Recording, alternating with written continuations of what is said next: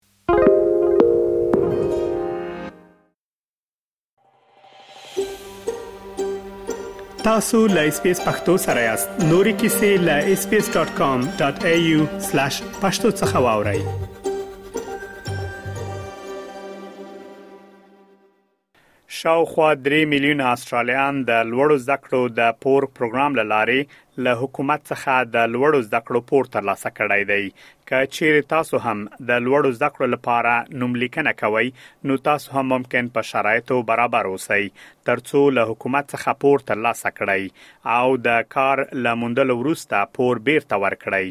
د لوړو زده کړو د پیل پر مهال یو شمېر زده کړیالان کولی شي خپل فیسونه ورکړي، مګر ډېری غواړي له حکومت څخه د لوړو زده کړو لپاره پور ترلاسه کړي.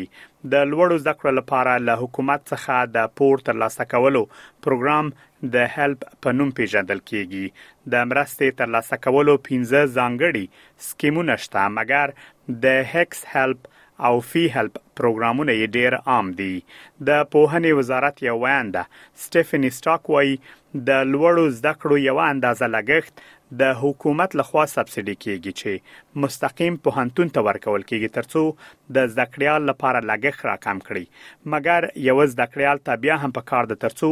ځینې نور لګښتونه پوره کړي چې په هغه حالت کې د هیلپ پور ترلاسه کول کولای شي لګښتونه وپوکي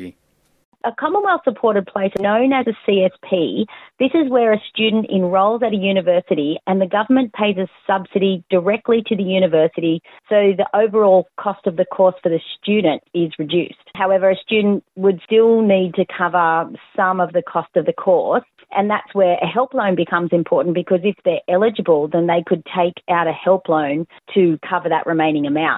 حکومت د لوړو زده کړو د پور پروګرام ستاسو د زده کړو پور پوښي مګر پاتې نور لګښتونه باید تاسو په خپل پوره کړی لکه د استوګنې کرایه او داسې نور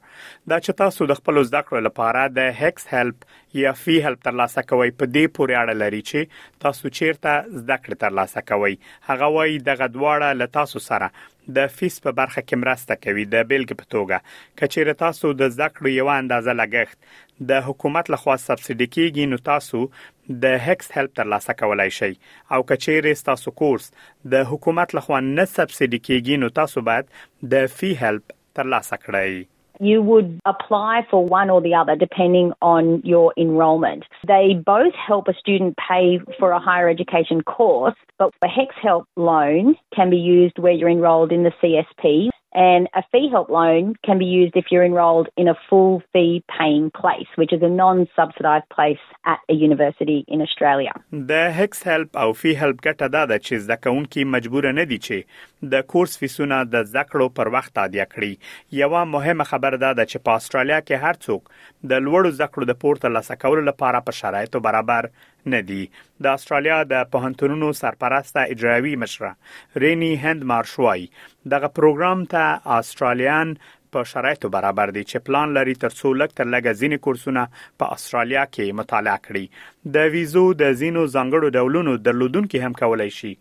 چې پورته درخواست وکړي مګر چې د اوګدې مودې د استوګنې شرایط پوره کړي So this includes Australian citizens with plans to study at least some of their course in Australia and in terms of visa holders current or eligible former New Zealand special category visa holders who meet long-term residency requirements and commit to studying their entire course in Australia are eligible permanent or eligible former humanitarian visa holders who will be living in Australia during the duration of their course are eligible too, as well as Pacific engagement visa holders. د استرالیا په ملي پوهنتون کې د اقتصاد د برخې پروفیسور بروس چاپن وايي په استرالیا کې د پوهنتون فیس د کال په حساب نه بلکې د مضمونونو په حساب وي هغه وایي کله چې تاسو د زده کړو لپاره نوم لیکنه کوئ نو تاسو ممکن په یو سمستر کې څلور مضمونونه ولرئ او تاسو باید دغه ټولو مضمونونو فیس ورکړئ او کچېر تاسو کم درس وای نو تاسو باید کم فیس ورکړئ So if you enroll in a degree, you might do four units in first semester. and each of those units will cost a certain sum of money, and you'll incur a debt which is the total of all of them. So one year, to illustrate, might cost you three thousand. But if the next year you only take one course, then your debt would only increase by about, you know, $500 or something. څومره چې تاسو ډیر مضمونونه اخلي هغومره نور تاسو پور زیاتیږي تر هغه وخته له تاسو څخه پور نه اخیستل کیږي تر څو تاسو کار پیدا کړئ ښاغلی چاپمن وایي اوس مهال د عاید هلت په حال کې دوه پنځوس زره ډالر دی چې له هغه څخه زیات شي نو تاسو باید د خپل عاید یو برخه په پور کې بیرته ورکړئ Currently that level is $52,000 a year and then you'll pay a percentage of your income to repay the debt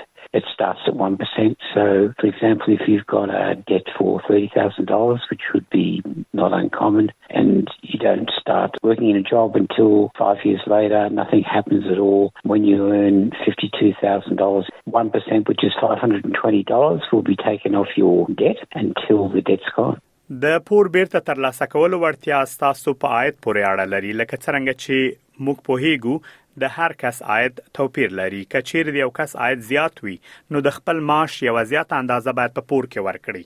پروفیسور چاپمن وایي د تعلیم پور د بانک د پور په څیر نه دی چې یو ځانګړی اندازه ولري او وخت هم معلوم اوسیږي bank loan, everybody has to pay a particular amount of money every month and it's interest rate adjustments and uh, it's all very clear how long it takes. With hex debt, some people will repay if they've got very high incomes in about five years, and some people won't pay